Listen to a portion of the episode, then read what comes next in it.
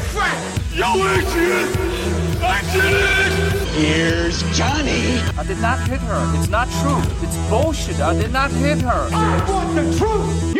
Can't handle the truth! Hej och välkomna ska ni vara till Cineastpodden. Podden där vi pratar om film. Filmer vi älskar, filmer vi hatar, filmer vi älskar att vi hatar och filmer vi hatar att vi älskar. Jag heter Andreas Baros och min gäst heter återigen Kristin Vincent. Välkommen tillbaka! Tackar, tackar. Eh, 80-talsfantasten och filmvetaren Kristin Vincent som eh, likt mig själv blir väldigt uppspelt när, när jag, har fått, jag, fått, jag har fått dragit ner din, din, din eh, volym flera gånger för att du, du precis som jag, precis som jag, börjar bli så här när, när, det, blir, när det blir uppspelt. Och jag tycker det är väldigt kul. Eh, dagens... Man känner att man lever. Verkligen, verkligen. Dagens film eh, kom först och främst ifrån en, en eh, av mina kära patrons som önskade att vi skulle prata om denna film.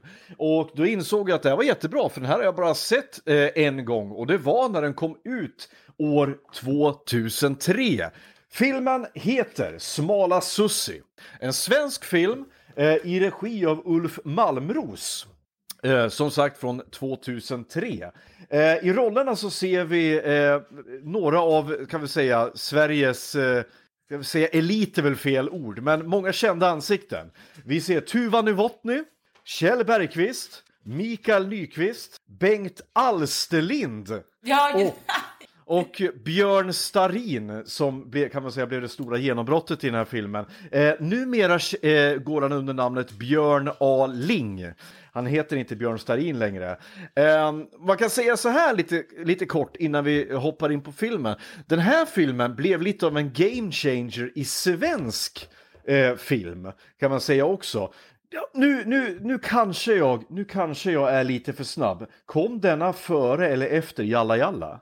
Oj, oj, oj. Eh, jag tror efter. Ja, för i så fall är det nog, måste- är det nog. Josef, Josef Fares som... Eh, Ja, som efter, Var, efter. ja, okej.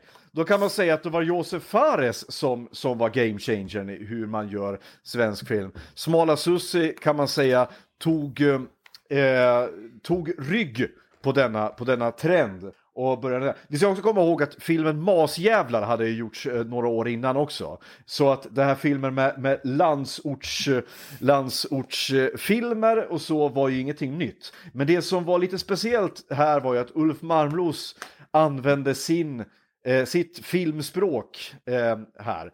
Eh, vi, vi gör så att vi rullar igenom filmen och sen så, så stannar vi när vi behöver. Och jag kan säga så här, det kommer vara många namn nu att hänga med om och många karaktärer som vissa betyder mer än andra. och så. Men, eh, och, men som sagt, det är många namn, jag tror ingen har ett normalt namn här. Okej, det är någon som jagar Erik och Micke 13. De skiljs åt vid en vägkorsning och springer åt varsitt håll. Erik springer in i en pizzeria där tvn är påslagen. Eh, en lerfigur i tv-rutan får en pistol riktad mot huvudet och detsamma händer Erik. Och han bedyrar sin oskuld inför den hotfulla mannen som vi senare får förstå är en eh, polis och ber att få berätta sin historia. Det är alltså då Micke Nyqvist som spelar den här polisen sitter med en väldigt eh, märklig skärmmössa på huvudet och är väldigt otäck. Eh, det, dagen innan så hade Erik fått ett telefonsamtal från, från Sandra som sa att Sussi, Eriks syster, var försvunnen. Erik han lyftade, lyftade då hem till byn i Värmland. Eh, eller bruket som då, eh, som då byn eh, benämns som. Och det var meningen får jag förstå att den här filmen Eh, eh, orten skulle inte ha något namn, men till slut så, så i en scen så visar det sig att det är ju då Molkom som detta utspelar sig i, som är då Ulf Malmros eh, eh, e-, egen hemort, som är en typisk bruksort då. Och när han kom, kommer då så ringer han på Susis dörr och minns när han då sista gången var på bio i byn. eh, och eh, då, då sitter han och, han och kollar på bio och de kollar på Pulp Fiction visar det sig. Men eh, and, plötsligt tar filmen slut och då dyker det upp då en, en, en, en snubbe på biografvaktmästaren kommer upp på scenen. Eh, och han säger att eh, ja, så du märker var, var filmen slut de har glömt att sista, skicka sista akten, men jag ska se om de kan lösa det här. Och så ringer han upp någon snubbe och frågar hur slutar filmen? Och så berättar han bara, ja, ja, eh, ja, det var så, John Travolta dör. Han blev skjuten på toan av Bruce Willis. Och, och, det, och det är lite kul också att den här biografvaktmästaren ser exakt ut som den här, om du kommer ihåg den här, jag tror han var, eh, eh, var manager för klubben Assyriska. Eh, Ja, just det, han ja. ja. Vad, het, vad ja, hette han? han då? Inte Bobby. Men Nej typ- men tysken. Eh, Ja, Mik- tysk. Ja. Mm. ja, Peter, Peter Dubois, hette han det? Men som, som, som Micke Dubois. Alltså, alltså, Jo, jag tror, jag, jag tror han hette det, Pe- Peter Dubois. Och att han var dessutom var med i den här Mediamarkt-reklamen. Ja, ja. Mm. och de hade någon, han hade någon grej att han alltid satt med, med fotbollsspelaren Bojan Djordjic och, Mm. och kommenterade eh, fotbollsmatcher under, jag tror att det var två, eh, VM 2002. Japp. Eh, ja, ja, det här var ju väldigt kul för att det här har ju hänt, det har inte hänt den exakt den här grejen har hänt för mig, men det har hänt många gånger att filmer har, har liksom, att de, på den tiden när det faktiskt var filmer, alltså det var sådana här rullar, och att de har gått av och biografmaskinisten var tvungen att sitta och försöka klippa ihop skiten under brinnande föreställning liksom. Det- Det, det har hänt. Eh, i alla fall. Eh, Erik beslöt sig då för den, där och då att han skulle flytta till Stockholm. Sussi, hon ville följa med, men Erik sa att det var för farligt. Därför att i, i Stockholm där finns det knarkare som kan köra upp en, en, eh, som kan sticka dig i, i benet. Bara för att de kan. Bara för att de har lust. Eh, och, och det är ingen som öppnar. Men eh, Erik då klättrar in i lägenheter och där träffar han då Tore Tumör som har ensam vårdnad om sin nyfödda bebis. Och Tore Tumör då, han kallas för Tore Tumör därför att han, han hade en tumör i hjärnan som han opererat bort och sen, eh, sen dess så kan han inte prata. Det visar sig att han kan visst prata därför att han, eh, han, han simulerar bara för att han, han hoppas att han skulle få det på hemförsäkringen, få pengar. Eh, Erik kan gå hem till sin alkoholiserade mamma som inte vet vad som har hänt Susie. Eh, och, och i byn finns också Micke 13 som just har lyft att häf, häfta fast sin kind i golvet med en häftpistol. Samt Pölsa som är väl filmens stora, en av filmens stora behållningar och karaktärer. Pölsa spelas av Björn Starin som älskar film över allt annat. Han går alltid omkring med en videokamera. Eh, och, eh, och han går omkring och dricker folköl och, eh, och, och knarkar mest hela dagarna. Men Erik går då in på Beans pizzeria och träffar då Sandra. Och det är väldigt kul också att då Sandra hon, Sandra med rött hår och piercing, fast nu har hon färgat håret svart och har ingen piercing längre. Det, var, liksom, det är liksom hennes karaktärsbeskrivning. Ja men du ser, det är Sandra, Sandra med rött hår fast, jag, fast nu har jag färgat håret svart. Så det är liksom hennes beskrivning och för mig som kommer ifrån en liten bruksort så kan jag känna igen mig där att det var sådär man beskrev människor. Ja men det kommer ihåg, hon som hade rött hår, fast nu har hon inte rött hår längre, men hon med rött hår. Jaha, hon, okej. Åh Så herregud. Åh vad glad alltså- jag är nu att jag inte är det. Så, Ja, men alltså, du får komma ihåg, är, är, är, man från en liten ort där det kanske Ja. bor två, 2000 personer, då vet man vilka de flesta är. Så man vet då, om, då, och då fanns det högst, kanske, högst en person i byn som kanske hade färgat sitt hår rött. Då visste man exakt vem den människan var. Och då blev den alltid känd som människan som färgade sitt hår rött. Eh, ja, eh, hon säger att Susie hade varit där en vecka tidigare för att betala skulder för att hon åt ju pizza jämt. Det var det enda hon åt. Frukost, lunch, middag. Eh, och eh, Erik frågar vad polisen säger och fick få veta att eh, polisen Billy som, som spelas då Kjell Bergqvist. Filmens i särklass bästa karaktär. Ja, Jag- jag- eh, ja, eh, då Sandra visade sig att hon gick dit då för att hon skulle anmäla att, att hon var försvunnen och det enda som den här eh, polisen gör, han är tvångskommenderad från Stockholm och han hatar sitt liv och han berättar då liksom att eh, ja, hur, så, han är en, byns enda polis. Han har två walkie-talkies som har en räckvidd på 100 meter. Han har en gammal eh, mobiltelefon som batteriet räcker i fyra minuter. Pisstäckning. Och han, han, han kommer sen med bortförklaringar som ja, ja men det, det är jättevanligt att folk dödar sig själva eller, eller hon kanske gick ut med hunden men hon har ingen hund. Ja men hon kan väl ha lånat en hund. Folk gör så nu för tiden. Och sen så sitter han mest och gnäller för att han liksom är så jävla dålig polis. Han sitter och skäms. Eh, eh, liksom. eh, men Sandra säger också att Susie hon är inte längre sig själv. Eh, därför att, eh, för i så fall hade hon inte varit ihop med Pölsa. Och det får ju då Erik att gå hem till Pölsa. Eh, Pölsa öppnar och då har han haft Scarface-konferens i två dagar med sina knarkarkompisar. De hade suttit och citerat, eh, citerat filmer och letat efter dolda budskap och sådana grejer.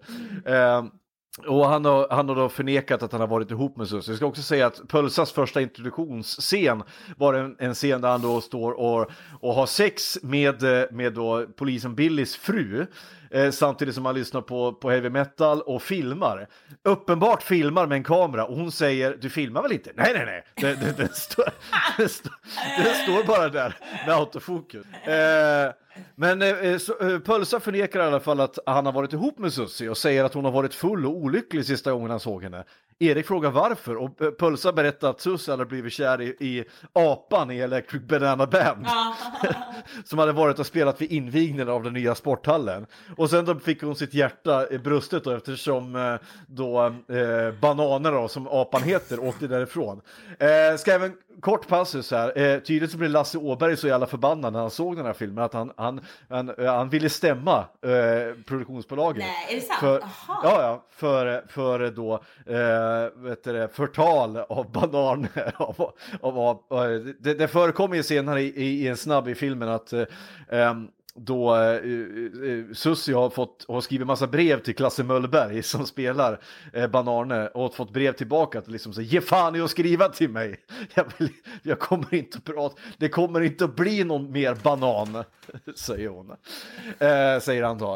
Eh, i alla fall då, Erik han vill åka till polisen men det vill inte Pölsa.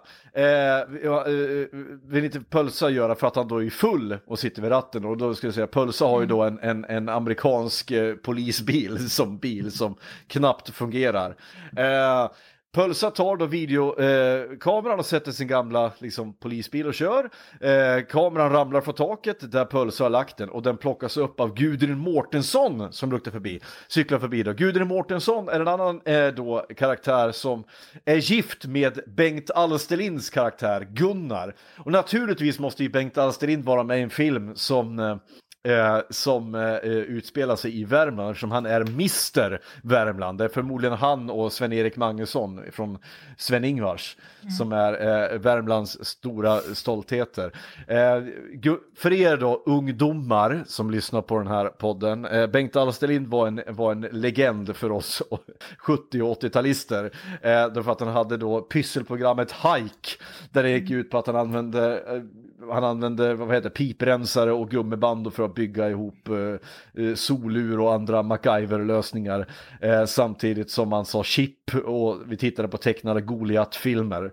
Eh, eh, och, och sen så fick vi se Sven-Ingvars sjunga Sommar och sol. Det var ungefär det som hände.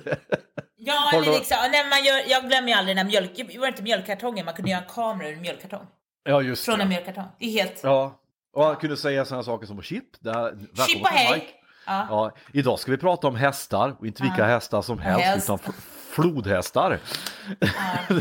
ja, det var Jättekonstigt. ja, jätte, jättekonstigt, men det var ju 80-talet. Vi, det- för övrigt, alltså det fick ju sändas och det fick ju uppenbarligen Solstollarna göra också så att eh, vi, vi, det är glömt och förlåtet och sekretessbelagt eh, nu skulle jag säga. Eh, eller preskriberat Japp. i alla fall. Eh, Erik och Pölsa de stannade vid videobutiken och pratade då med ägaren Gerd som säger att det inte är så konstigt att Susie försvunnit eftersom hon hade, eftersom, så, så som hon hade levt då. Erik blir upprörd och menar hur vadå, hur levde hon? Jo men hon hade tydligen då börjat knarka och massa saker. Och vi ska också säga att Gerd är ju då ortens stora knarkhandlare. Hon är korrumperad, hon mutar polisen eh, och sen så, eh, så, så smugglar hon knark i VHS-fodralen. Vilket är fantastiskt roligt det också. Pölsa får soppatorsk och, och då måste Erik skjuta på bilen, men då hoppar Pölsa också ut och skjuter på. Då säger man, men vad fan, vem ska, du ska väl styra? Och bilen rullar iväg ner för, för, för backen och eh, Pölsa säger, ja vad fan att man ska ha så jävla oflyt hela tiden. Eh, det visar ju också så här hur, vilket jävla eh, fuck-up eh, eh, Pölsa är i princip allting han gjort. Och eh, den kör igenom staketet rakt in i polisen Billys trädgård.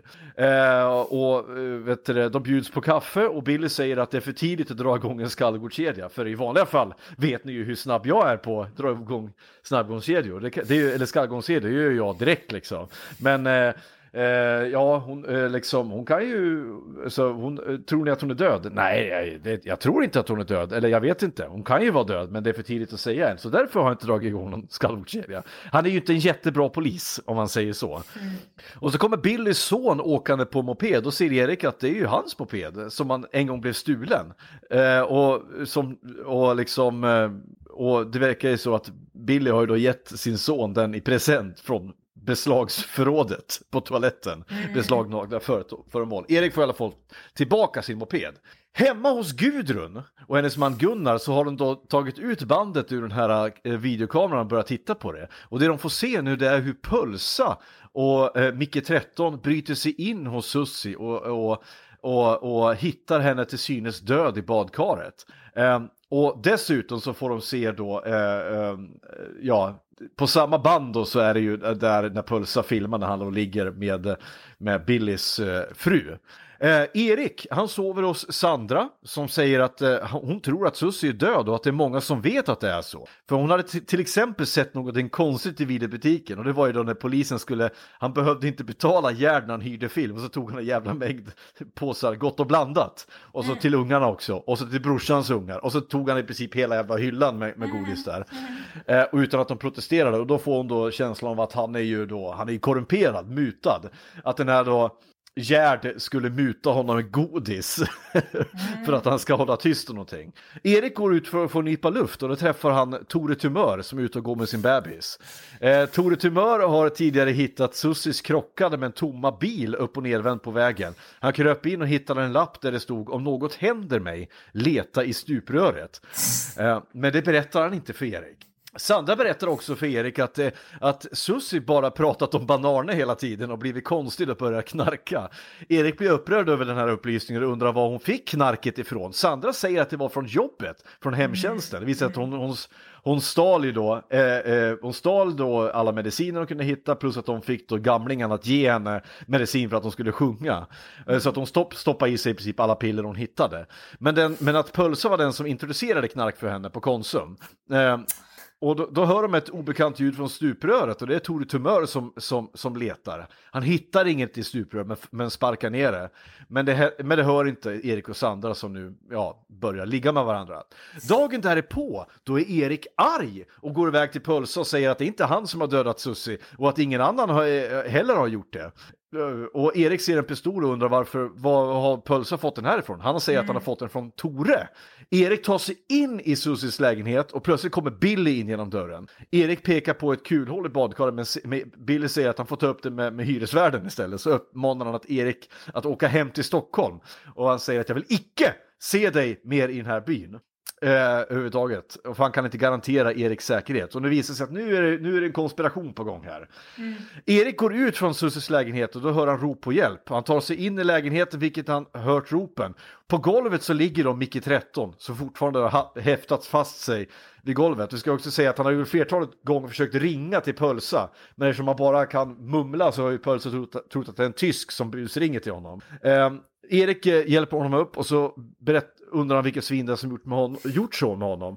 Men Mickan berättar att han har gjort det själv och så berättar han om mm. sina skuldkänslor eh, för att det är allt som, eh, som har hänt och han vill berätta allt då mm. liksom. Och han berättar att Gudrun och Sussi de arbetade tillsammans på äldreboendet och där upptäckte de att gamla Mary, den här tanten, var död. Och när de flyttstödade så hittade Gudrun ett skrin med jättemycket pengar och som hon stal. Eh, eh, och Sussi upptäcker henne när hon står med en bunt tusenlappar i händerna. Eh, och Gudrun uh, eh, delar med sig av detta och Susie går direkt till videobutiken och betalar sin skuld hos Gerd. Men Gerd nöjer sig inte utan nitar fast eh, Susie i golvet med en häftpistol och frågar var Susie fått pengarna. Och Susie berättar. Och Gerd eh, tänker att Susie måste ha, eller Gerd, eh, den här Gudrun måste ha väldigt mycket pengar. Så då eh, kommer Susie, eller Gerd på en plan att Susie, Micke 13, Pölsa och Tore ska, ska sno de här pengarna från Gudrun och att det är riskfritt att stjäla från en tjuv. Så Susie hon då får då ansvar för att genomföra den här stölden när polisen Billy kommer till videobutiken så, så, så eh, säger Gerd att eh, Uh, ja, om den här filmen handlar om en tjuv som blir, som, uh, blir bestulen på pengar som hon stulit. Och när tjuv, tjuven går till polisen så gör de ingenting. Och Billy blir då mutad med massa pengar. Så de får, eh, när de gör den här stölden då så går den inte riktigt som, som tänkt men Sussi lyckas ändå genomföra stölden. Eh, de får då 2000 kronor var av Sussi och säger att det inte fanns något mer pengar än så. Och sen så åker de till Sandra, pizzerian och säger att hon ska flytta och undrar om hon vill flytta med. Hon skriver då lappen där det står om något händer mig, leta, efter, leta i stupröret och så åker de sen hem och lägger sig i badkaret. Ture, Micke 13 och Pölsa dyrkar upp låset till hennes lägenhet och Pölsa har som vanligt videokameran påslagen. Ture har sin pistol, eller Tore, förlåt, Tore, eh, Tore, Tore Tumör. Um, och Sussi ligger stilla i badkaret och misstag så, eh, så eh, skjuter Tore eh, henne. Och alla blir jätterädda och när någon tar tag i ytterdörrens handtag så flyr de genom fönstret och springer till videobutiken. Och Gerd, hon blir rasande och beordrar dem att flytta kroppen, men när de kommer tillbaka till lägenheten är kroppen redan försvunnen. Erik eh, frågar då Micke 13 vem som tog kroppen och han vet att han, han säger att han har ingen aning. Tore han har stått eh, i våningen under och tjuvlyssnat genom golvet. Eh, på, jag vet inte hur det här funkar fysiskt men ja, det är film så tydligen kan det fungera. Eh, och han har då hört nog så smsar han till, till Gerd, 13 tjallar, mer pengar finns. Och eh, det ringer på dörren hos Micke 13. Utanför står Gerd och Pölsa beväpnad med pistol. De tvingar Erik och Micke ut till en bil. Och Gudrun kommer in på polisstationen och vill bekänna någonting. Hon berättar att hon hittat ett brev på golvet i sin lägenhet efter att de stulna pengarna stulits från henne. Eh, brevet är till Banarne. det är så jävla och bara Sussi kunde skriva, eh, skriva brev till eh, ba Banane i Elect Electric Banana Band. Och därför så rusar de hem till Sussi och konfronterar henne. Sussi låser in sig i badrummet och kommer inte ut förrän eh, guden Gudrun hotat att slå sönder hennes bananertavla, på, alltså en, en idolbild på Klasse Möllerberg. Eh, Gudrun hon säger att hon gärna delar pengar men hon har glömt vart hon gömt dem. Men, men, men, eller ja, Sussi säger då att hon har glömt var hon har gömt dem. Och då börjar de gräla och Gudrun dränker Sussi i badkaret och, och, och rusar därifrån. Eh, och då kommer det andra gänget in. Och det visar sig att hon är alltså död när de andra kommer och skjuter henne. Eh, och Gudrun hämtar en resväga, resväska och återvänder till Sussis lägenhet när de andra just flytt genom fönstret. Hon lägger Sussi i resväskan och sen så går hon iväg och ser till att Sussi hamnar i samma kista som gamla Mary och begravs med henne. Polisen tror den inte, men hon tar fram videokameran och säger att allt finns dokumenterat där. Under tiden så kör Pölsa och Gerd ut Erik och Micke till, en, eh, liksom till ett sågverket och där vill de Eh, att de ska tala om var pengarna finns men, eh, och döda dem. Men Pölsa ångrar sig och vill inte längre vara med. Eh, men Gerd skjuter honom och Pölsa dör. Och så kommer Billy och ser, ser Gerd med dragen pistol. Han larmar de andra radiobilarna och hon skjuter Billy samtidigt som han skjuter Gerd och dör. och jag tror att där dör väl Billy också. Så alla dör. Eh, utom Erik och Micke 13 eh, som då har sett vad som hänt och rusat i Pölsa, men han är ju död. Och då kommer radiobilarna, eh, de andra poliserna och de rusar iväg och Erik fångas på pizzerian. Och det är alltså där då som filmen börjar. Micke Nyqvist då, polischefen som lyssnat på berättelser undrar varför de flydde när de inte hade gjort någonting och Erik svarar att han inte vet. Polisen säger att han hatar sorgliga slut och släpper Erik. Och där har då eh, Sandra och Erik bestämt sig för att nu ska de lämna den här jävla hålan bakom sig och Erik sätter sig i den och då råkar de komma åt eh, eh ett stuprör framför dem och då bara ramlar ut jävla massa pengar som de plockar upp och åker iväg från bruket med bilen full av pengar. Och där slutar filmen. Eh, och jag blev så glad när jag har sett den här, fick se den här filmen en gång till. För att det här är en film som bara är ren underhållning från början till slut. Eh, några år tidigare så hade ju, ska vi säga, eh, precis som vi kom överens om, hade ju Jalla Jalla kommit. Ja. och framförallt hade ju då, tycker jag, vad heter han, Guy Ritchie kommit med sina filmer uh, A Lock, Stock and Two Smoking Barrels och filmen Snatch som jag tycker revolutionerade filmskapande väldigt mycket i filmspråk, eh, i den här typiska London, eh, London, eh, med många, många män, färgstarka karaktärer med konstiga namn. Vad jag skulle vilja säga är här att eh, Ulf Malmros gör en Lockstock and two smoking barrels fast i Sverige. Och självklart ska man ha då färgstarka karaktärer så är det ju perfekt att då lägga det i en liten bruksort där alla karaktärer då är så här färgstarka. Eh, hade du sett den här filmen innan? Jag har faktiskt inte sett den, nej. Nej. Jag Vad har, tyckte du då? Ja, alltså jag har ju... Jag gillar, alltså, ja, jo men den var ju bra. Det är inte, alltså min typ av film, men den är som du säger, den är underhållande. Och den var mycket bättre än vad jag trodde.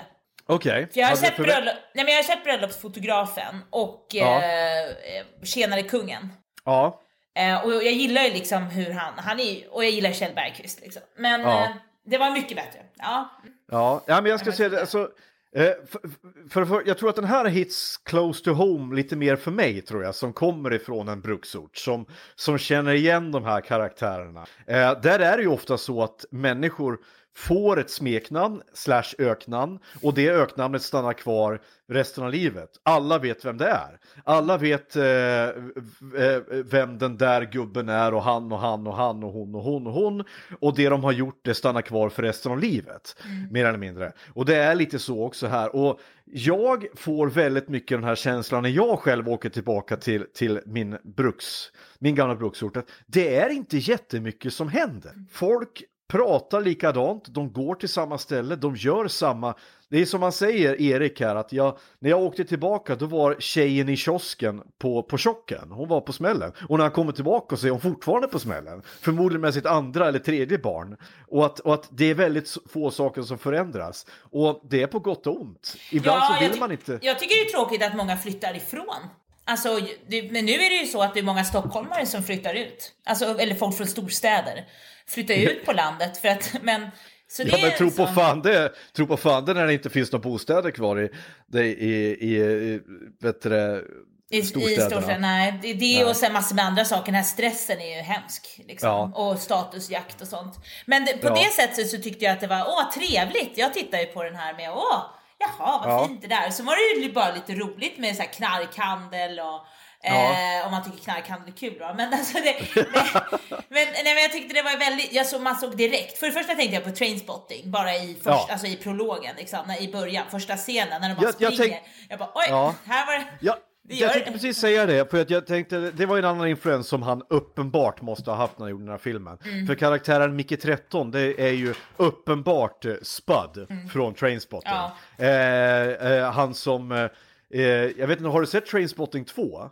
Nej, den andra. Trainspotting? Nej. Nej. den är väldigt bra, men det, det är en scen där som påminner väldigt mycket om den inledningen, att han försöker ta livet av sig, eh, den karaktären. Och han är ju lika lång och lika smal som Spud också, Ja. och, och pundigt liksom. Och, och eh, Pölsa är inte lika aggressiv som eh, Robert Carlyles eh, Begbie, men han är, ju, han är ju den mest destruktiva av karaktärerna. Mm. Men han är ju samtidigt jävligt svårt att tycka illa om Pölsa, för han är Mm. ju samtidigt så jävla charmig trots att han är en sån jävla total loser. Det enda han går omkring och gör är knarkar och älskar film. Och jag tänker så här, det där kunde ha varit jag. Det är klart som fan jag har, ska ha Stanley Kubrick-festival hemma med, med massa, massa pundare som och sen sitter och...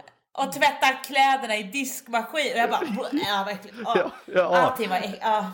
Skulle ja. Men, men alltså, och så, som sagt, alla de här karaktärerna och hur det vävs ihop, eh, historien, det är ju så uppenbart Guy Ritchie-inspirerat. ja.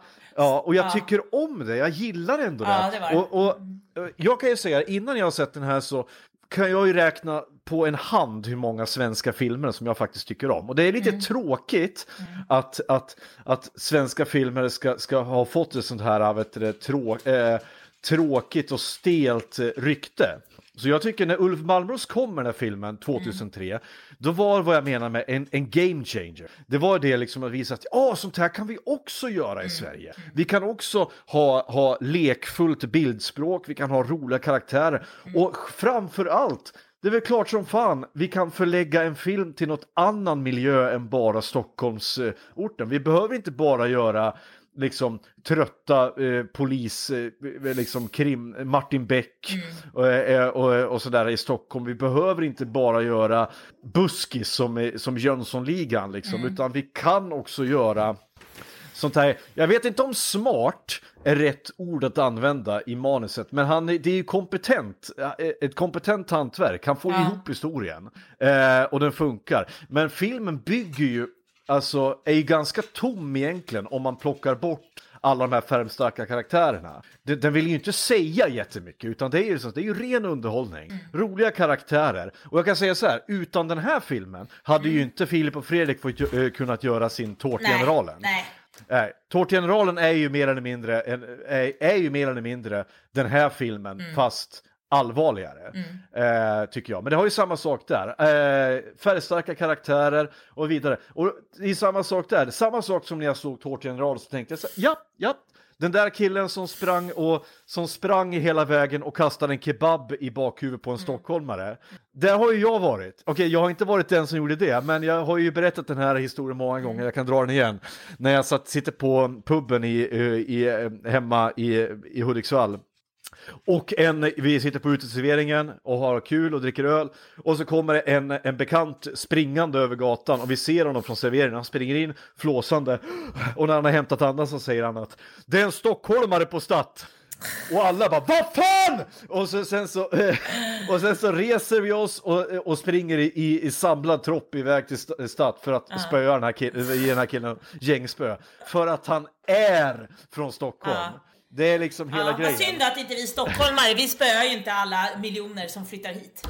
Nej. eller inte miljoner, men det är några tusen som flyttar varje år från landsbygden. Nej, det skulle ju det- se konstigt ut. Ja, men det är det jag har upplevt när jag blivit äldre också, när jag flyttade till Uppsala, när jag, när jag var väldigt mycket i Stockholm, att eh, de som är dryga i Stockholm, det är ju inte stockholmare nej, själva. exakt. Det är de som har flyttat in. Det är, de, det är de som har flyttat in som, som, jag kan ju Tror säga att så man här. måste vara dryg. Ja, eller hur? Och det är därför jag säger så här liksom att när folk säger att de är så dryga i Stockholm. Du, det bor en och en halv miljon människor i Stockholm. Vill på, eh, jag tror att större delen av dem är för, förträffliga människor. Mm. Så att det där är en, en tra, eh, tragisk eh, liksom, eh, eh, missuppfattning. Ja. Men jag kan säga, ja. ja, men, men jag säger, ja. ha, menar du att i Stockholm under hela din uppväxt har du aldrig träffat på en färgstark karaktär? Jo, men det är på ett annat sätt liksom. Alltså det är bara andra eh, sorters karaktärer. Det är mer typ Okej. såhär, typ Hammarbyaren, nej men du vet någon sån här riktig Ja. Kent och Stoffe.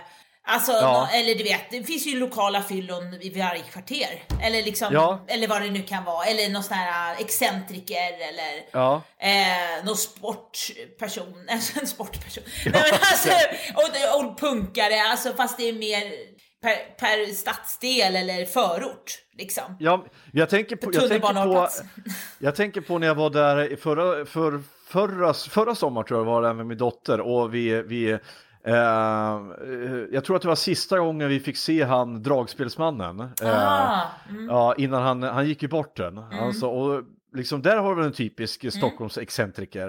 Och alla de här äh, lo, lokala som alla vet vem de är. Liksom, Ja. och så. Men, jag menar, jag, men jag menar det att eh, de här excentrikerna sticker nog ut mer i en, i en liten eh, är i en klart. landsort. Det är klart. Till exempel, bara en sån grej i Iggesund där jag där bodde. Ehm, det, det, här, det här är ju lite tragiskt nu, men det fanns en gubbe där som, som hette Ingvar och han var nog eh, byns enda homosexuella. Ja. Men han var ju typ 60 år, alkoholiserad, bodde med sin mamma och så vitt jag vet hade han aldrig haft liksom fått leva ut sin homosexualitet. Men alla visste att han var gay. Eh, och bara en sån sak, han var alkoholiserad, åkte alltid ner på sin trampmoppe ner till, till Konsum, köpte folköl, åkte upp och, och, och, och, och, och, söp liksom. Och, och sådär. Eh, och bara sådana här grejer, alla visste det. Men, det var, men man pratade liksom inte om det. Så, Nej. ja, ja, där kommer han. Eh, eller skrothandlaren Snicken som, eh, som åkte på sin Puck Dakota ner till och spelade på hästar varje dag. Eh, som eh, enligt uppgift då hade hela sin lägenhet full med, med bildelar och, och motorolja i badkaret och alla de här sakerna. Alla visste. Ingen visste ju knappt vad han hette på riktigt. De visste bara vad hans, vad hans, eh, vad hans eh, vet du, smeknamn var. Men, men just den, där, den här grejen att de här människorna som blev kvar, Mm. de människorna som inte kom ifrån byn.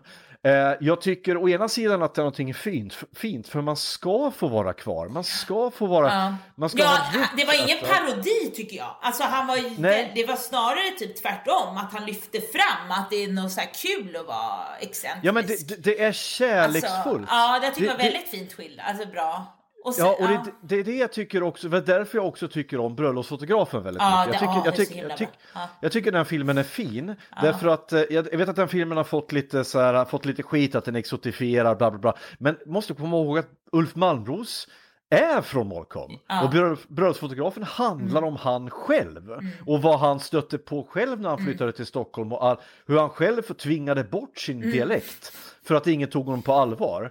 Eh, och sådär. Eh, och, och, hur han, och hur han, det var först när han hade distans till sin hemort som Mm. han kunde vara stolt över den. Och det är lite samma sak för mig. Det är faktiskt först nu när jag har distans till min hemort som jag kan vara stolt över att jag kommer därifrån och som jag kan känna en kärlek till, till, till, till, mitt, eh, till, min, eh, till min hemort. Men det kunde jag inte när jag var ung. För då ville jag ju bara därifrån. För då såg ju jag bara hur den höll mig tillbaka. Hur jag ville flytta till Stockholm och Uppsala och göra karriär och allt var så mycket roligare där och så vidare. Men idag så känner jag ju snarare att jag längtar tillbaka.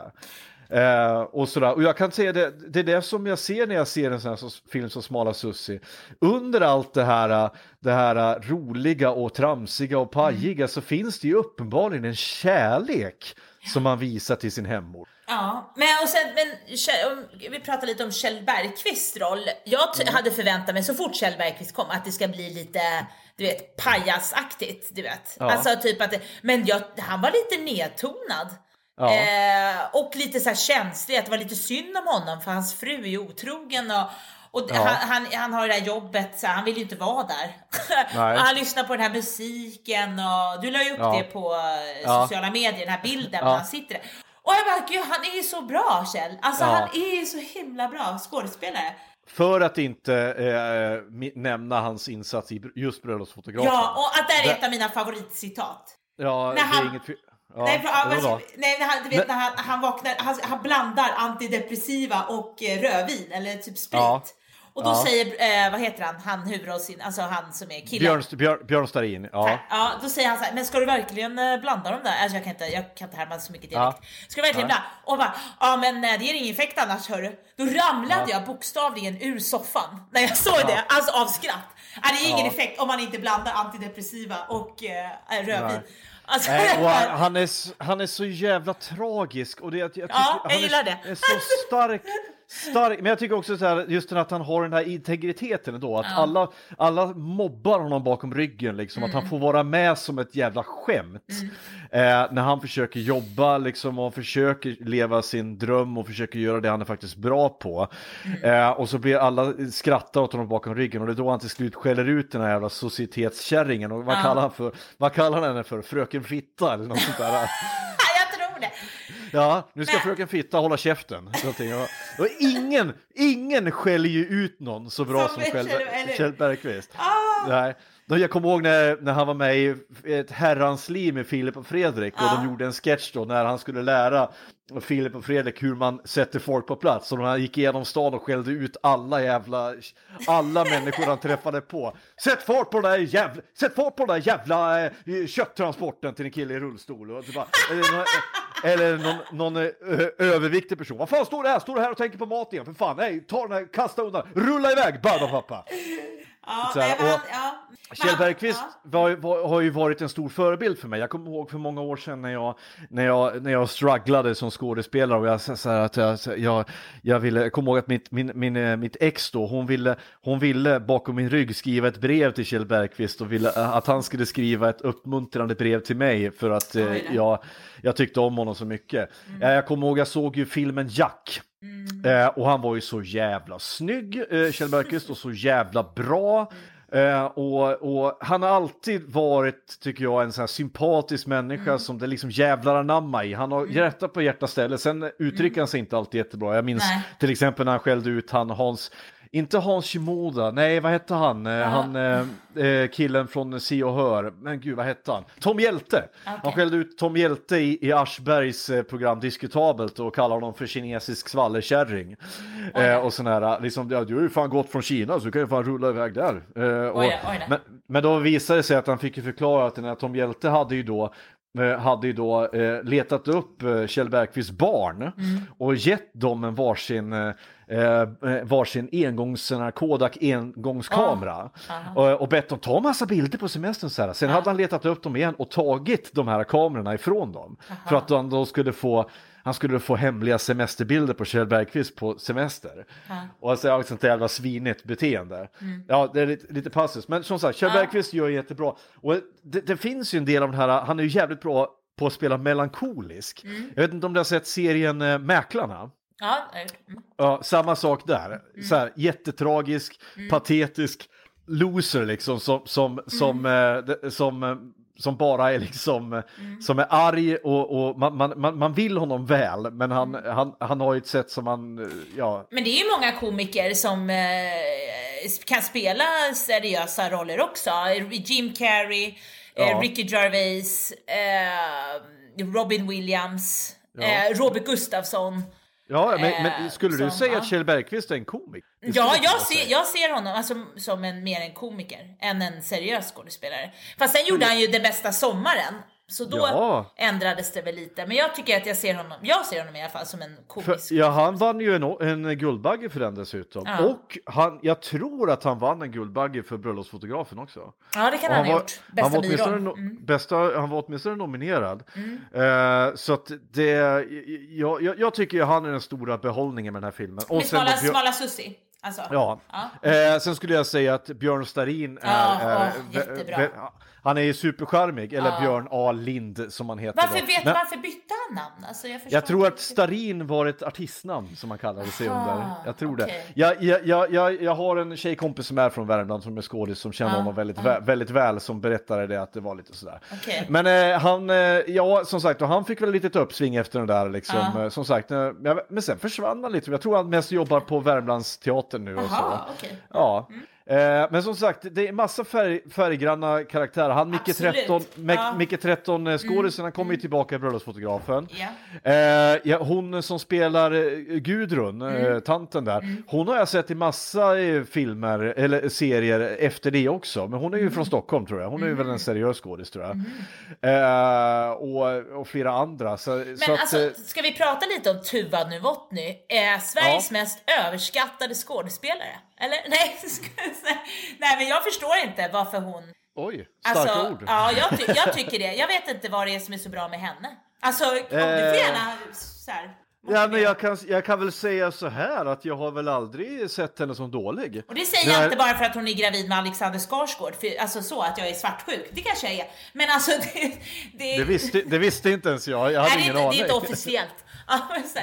Det, det, det visste inte jag, jag hade ingen aning om det. Jag visste bara, jag, har bara en minnen av att jag har sett henne hon för min, för min, för mig så är hon eh, min, eh, en skådis som dök upp i många filmer som kom under min ungdom.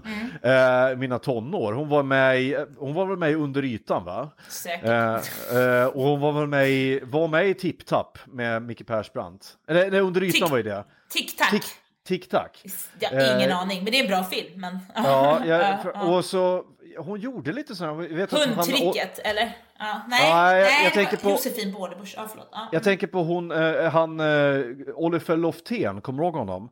Han som spelade Åke i den gamla Bert-serien. Ja, och han, Eh, han, åk, han dog, var det inte han som dog alldeles? Jo, han, han Mm. mm. led ju av oerhörd psykisk ohälsa tydligen. Eh, han var ju med i den här filmen Tic Tac, Mm. Ja, bland annat. mm, det. och jag tror att han hade en scen mot Tuva Novotny där som, Mm. var ganska, som var ganska bra. De, de lirar.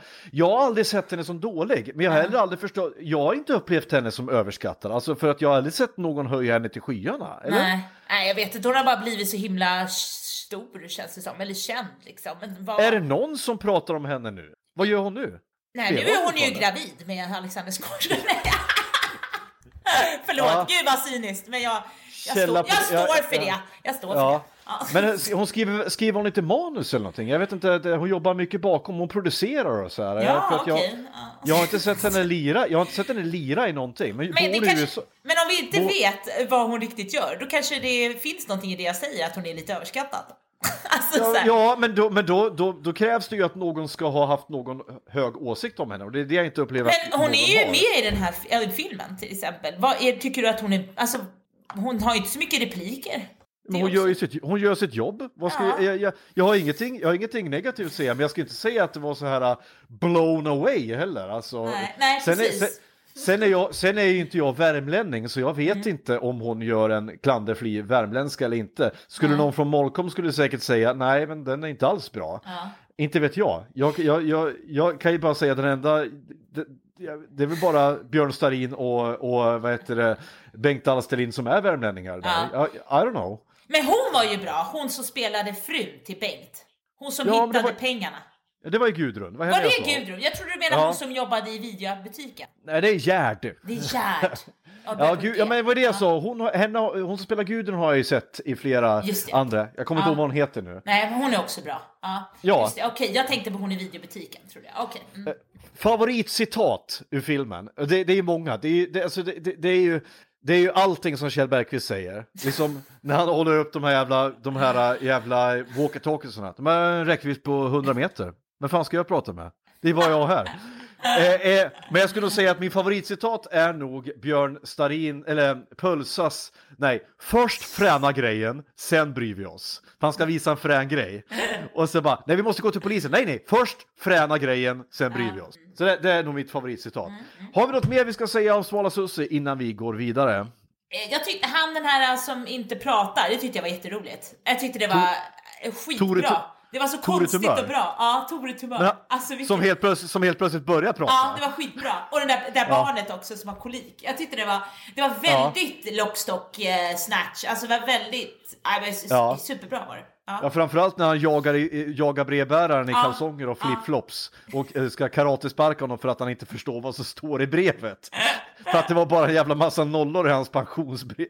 Det tyckte han var orättvist. ja, jag tyckte Ja. det var superbra. Ja. Ja. Mycket bättre film än vad jag trodde att det var. Mm, det skulle vara. Jajamän. Eh, nu har det blivit dags för veckans lista. Lista. Topp 5. Topp 5. Veckans topp 5. Och veckans lista, det är din lista Kristin. Och jag vet inte vad det är du kommer att ta upp, så det här kommer bli jätteintressant. Varsågod, take it away Kristin. Ja, eh, då ska vi se. Topp fem birollsinnehavare enligt mig, alltså som biroller som är minnesvärda.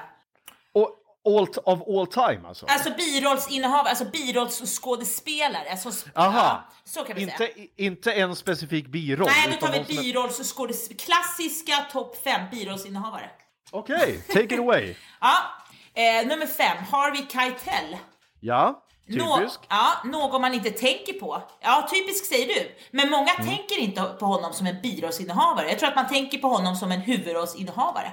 Fast Men, har, men det har, han någonsin, har han någonsin haft en eh, huvudroll? Ja, det kanske inte, ja knappt i pianot. Det var kanske också var en biroll. Ja, jag När han är full frontal. Ja, var det han den handlade om då?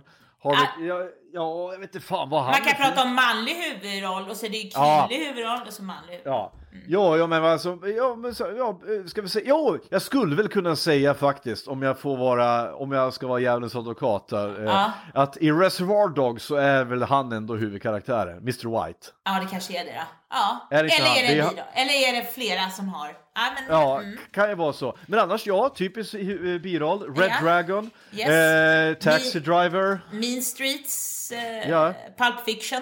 ja, Taxi Driver. Ja visst det. Pulp Fiction spelar han Mr Wolf, Ja. som kommer och städar upp, eh, upp ska Ja. lära dem att städa upp en hjärna. Exakt. Copland. Copland, jättebra. Eh, Eh, ja. Thelma Louise. Ja, absolut. Ja, men eh, bra, bra val. Alltså, eh, som sagt, Harvey Keitel eller någon sån, han är så typisk också, vad ska jag säga, han var i alla fall en typisk eh, go-to för eh, Tarantino. Att vi plockar in Harvey Keitel så är det klart liksom. Ja. Ja, Ja, fyra. Eh, Harry Dean Stanton. Klassisk Ja. birollsinnehavare. Ja. ja framförallt eh, använd av David Lynch va? Eh, Yes, i Twin gånger. Peaks. Eh, pappan i Pretty in Pink. Han var Ja. med i Alien. Flykten från New York, som sagt igen, en av ja, mina favoritfilmer. Då. Eh, för en handfull dollar också är han med. Vem spelar han där? Eh, ja, ja, du ser. Inte för att jag kommer ihåg vad, vad, vad, heter det, hans roll heter. För man, jag tänker ofta att byråsinnehavare, då kommer jag, jag kommer oftast inte ihåg vad de har för roll. Alltså jag kommer ihåg vad de gör i filmen. Men kanske Ja. inte vad exakt deras rollkaraktär heter. Nej, det är sant. Det är sant. Men eh, Harry Dean Stanton gick ju bort för var det två, tre Ja, år sedan? två, tre år sedan. Innan pandemin tror jag. Mm. Ja, eh, så, ja men jag, jag, det är också en sån där. Och i Alien då spelar den här eh, gubben med keps, den här mekanikern som, som bara gnäller om pengar hela tiden. Och Mm. Precis, blir, men man kommer ju inte ihåg, det är mekaniker, man kommer ju inte ihåg. Nej, jag kommer inte ihåg vad han heter. Nej, nej. Nej. Ja. Bra val. Eh, tre, Stanley Tucci. Stanley Tucci, ja just ja. Eh, senast eh, gjort bort sig i, i alldeles för dåliga filmer. Transformers, eh, Age of Extinction och sådana här... Jag eh, kollar ju inte på sådana, det är, det är du som kollar Nej. på såna här filmer. Det är, är så jag, superhjälte. ko- jag kollar på alla filmer jag ser, ja, så att, eh, Men ja, vad har han gjort mer än det då? Eh, Hunger Games, eh, Djävulen bär Prada, Ja. The Terminal, en Ja, av mina favoritfilmer, Spotlight, eh, som handlar om eh, den delen i, på den här tidningen i Boston som eh, alltså bygger på verklig Just ja. händelse. Från Ja, om pedo- präst- pe- ja, pedofil. pedofilerna, just ja. Han är Ja. jurist där.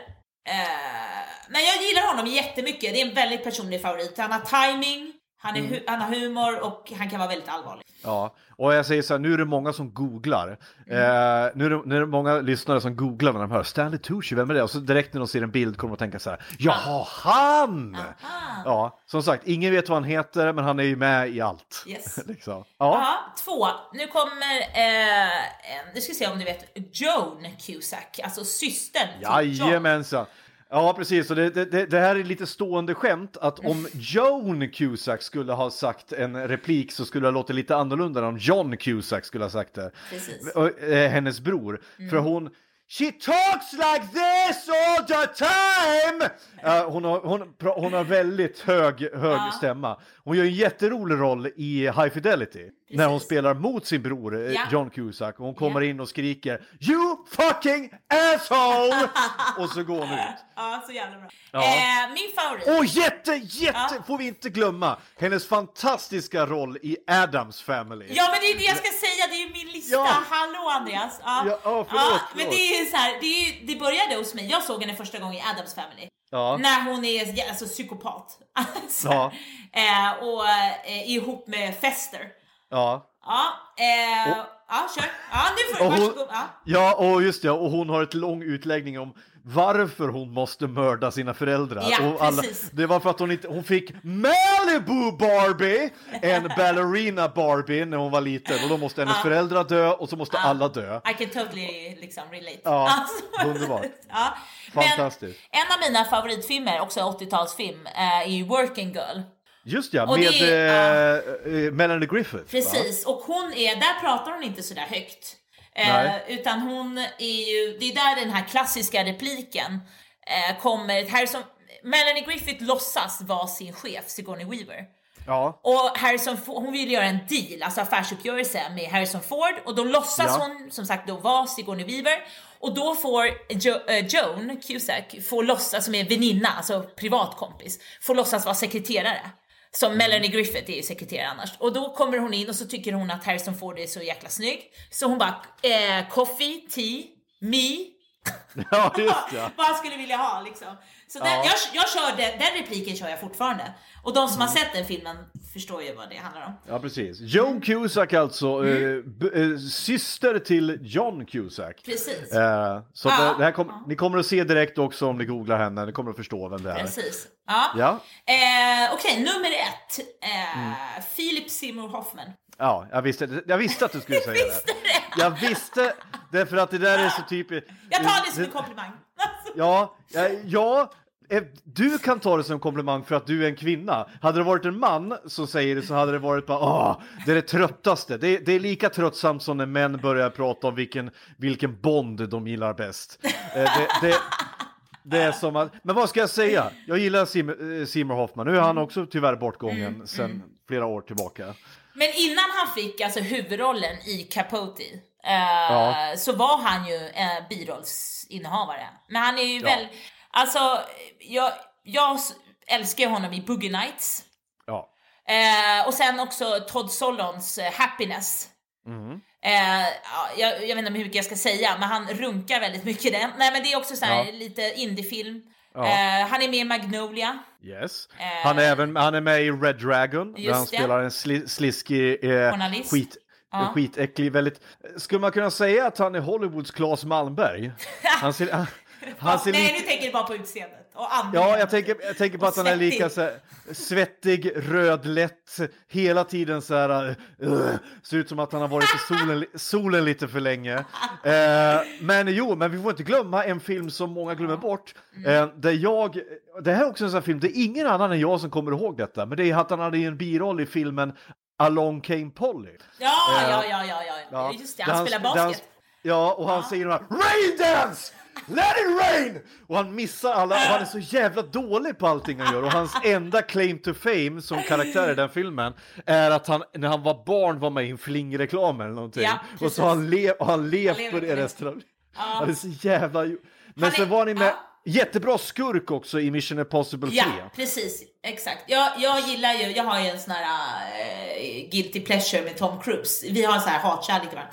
Eh, han, vet, han vet inte om det än. Alltså, han, han har ju inte träffat mig ännu. Men, eh, men han är jättebra där. Och sen också i han, där är han inte så svettig. I talented, Nej. The Talented Mr Ripley. Nej. Där är han snobbig. Eh, och ska just vara lite så här, lite tjusig. Men eh, ja, men jag tycker typ... Han, Men han är så jävla, i just i Mission Impossible 3 så är han så jävla obehaglig. Ja, han är han är jätteobehaglig. Mm. ah, Och liksom på riktigt så att jag tänker att när jag ser den så inser jag att eh, jag har sett alla Mission Impossible-filmer Mm. för jag har lik du också ett, ett eh, väldigt osunt förhållande till Tom Cruise. Jag, jag, han är fullständigt galen i huvudet, Ja. men han är så jävla bra framför kameran. Ja, han. Är så karismatisk, så jävla stark och jag kan ju säga att Mm. jag blivit, jag blivit Tom Cruise frälst i Magnolia. Därför att det, det är hans bästa roll han någonsin har gjort. Mm. Han är så, det är så starkt. Men Philip Seymour Hoffman, han stjäl med fan med den filmen. Mm, Därför att han är så jävla bra. Men eh, sen ska vi inte eh, glömma filmen The Master. Nej, om du kommer just ihåg den. Ja, just det. Det är klart. Ja. Där han mer eller mindre spelar, eh, vad heter han, eh, åh, mm. scientolog-skaparen. Hubbard, hub, hub, vänta. L. Hu- L. Ron Hubbard. Hubbard, Hubbard. Mm. Ja, de säger ju inte det rakt Nej. ut, men det är ju han han spelar. Ja. Och han är så jävla karismatisk och samtidigt jävligt otäck liksom och sådär. Eh, nej, han, jag, jag, jag, kan, jag kan stå för det. Jag, känner, jag kommer vara jättegrabbig och säga att jag, jag håller med och jag, han är min absoluta favorit. Eh, eh, men Får jag komma med en bubblare till Ja. din lista? Ja, om du var klar. Ja. Och det här är faktiskt en som du har nämnt tidigare, men det är, det är Gary Oldman. Som, ja, ja, ja, ja. Ja, Mm. eh, Gary Oldman har ju gjort några huvudroller, men det är ju framförallt när han gör biroller som han skiner. Eh, så, alltså, för, du kan sätta honom i den minsta jävla statistroll som helst, så kommer han att äga den rollen och ta över den och göra den så jävla kraftfull. Jag tänker på han i den här True Romance så spelar han någon jävla knark, någon pundare med i typ en scen eller någonting och är, är, är liksom jag kommer ihåg honom från filmen. Eh, jag tänker på i eh, The Fifth Element. Det är han som gör filmen sevärd. Ja, jag, jag, tycker, jag tycker inte den filmen är särskilt bra, men han, alla scener han är med i, så han, han har så roligt i den scenen, Mm. eller i den, i, den, i den rollen, så så roligt ska man inte få ha som Nej. skådis. Man ska, han, han, han, han, han liksom äter ju scenerna som han är med i. Eh, jag tänker på Eh, han spelar skurk i den här filmen när, när Air Force One. Eh, samma sak där. Eh, Harrison Ford är ju, är ju hjälten, men det är ju för fan... Det är han som är minnesvärd. Det är Omen som man kommer ihåg. Alltså, Ja visst, ja, eller hur? Det är ja. det jag menar. Ja. Eh, Tinker Taylor Soldier Spy, skulle man kunna säga att han har huvudrollen? Ja, det, det är det väl? Ja, det ja tycker jag. Det är det väl egentligen. Leon, bara där eh, äger han ju också hela filmen. Vad fan, eh, var, eh, eh, Jean Reno bryr jag mig inte ett skit om. Eh, eller, för det är Natalie Portman och, eh, och vet du, framförallt Gary Oldman som gör den filmen minnesvärd. De kunde ha satt vem som helst som, som Leon själv liksom. Mm. Nej men jag, alltså det finns må otroligt många bra liksom. Eh, Ja men som, som oftast får spela det. Ja. Men, Ja. men på den kvinnliga sidan liksom, eh, Mm. där kan det vara olika tycker jag. Alltså de Det kan, kan vara, ja. ja, jag vet inte. Jag, jag, det, det är lite så här också. Eh, tyvärr, och det får jag väl säga är mitt fel, jag kommer inte ihåg lika många Nej. av, de, av de, de kvinnliga. Joan Cusack är ju Mm. perf- var ett väldigt bra val för hon är en typ en sån som jag nog aldrig har sett i en huvudroll. Nej. Överhuvudtaget. Mm. Jag skulle kunna säga Meryl Streep, men hon har ju haft så pass många huvudroller så att... Ja, eh, det går, ja. Mm. Men eh, jag tänker på hennes biroll i Djävulen bär Prada till exempel, Mm. där hon är helt jävla makalös. Eh, men samma sak med Susan Sarandon, men det, bara det att hon har ju också gjort så många huvudroller så att Mm. eh, det räknas liksom inte om du är mest känd för att vara en huvudrollsskådis. Eh, men kära lyssnare, vad, vad, har vi missat någon? Vilka är era favorit eh, birollsskådespelare? Skriv i kommentarerna, skicka hatbrev eller gör vad som helst. Detta har varit Cineastpodden. Eh, jag finns på Instagram, jag finns numera på Facebook också och framförallt så finns jag på Patreon. Eh, ge mig eh, era pengar. Jag vill ha alla pengar som ni har eh, så att jag kan bli glad och, och så att jag kan känna att jag kan gå upp på morgnarna och fortsätta med mitt, eh, nog för att det är ett lustdrift arbete att göra den här podcasten, men jag tycker om pengar så jävla mycket. Det ska jag inte sticka under stol med. Eh, Kristin, tack så hemskt mycket för att du tog dig tid återigen. ja, tack för att jag fick komma. Ja, det är så välkommen så. Vi hörs igen eh, förmodligen eh, när vi hörs. Jag är mitt uppe just nu i repetitioner av, av en pjäs och, och ska ha eh, premiär snart. Så jag försöker att klämma in poddinspelningar när det går. Men eh, ni lyssnare, ni väntar ni på något gott så får ni vänta tills det kommer helt enkelt. Så är det. Man får inte lördag, lördagsgodis varje lördag. Så är livet. Eh, ha det bra allihopa. Hej då! Hej då, hej då. Say hello to my little friend! Yo, Adrian! I did it! Here's Johnny. I did not hit her. It's not true. It's bullshit. I did not hit her. I want the truth! You can't handle the truth!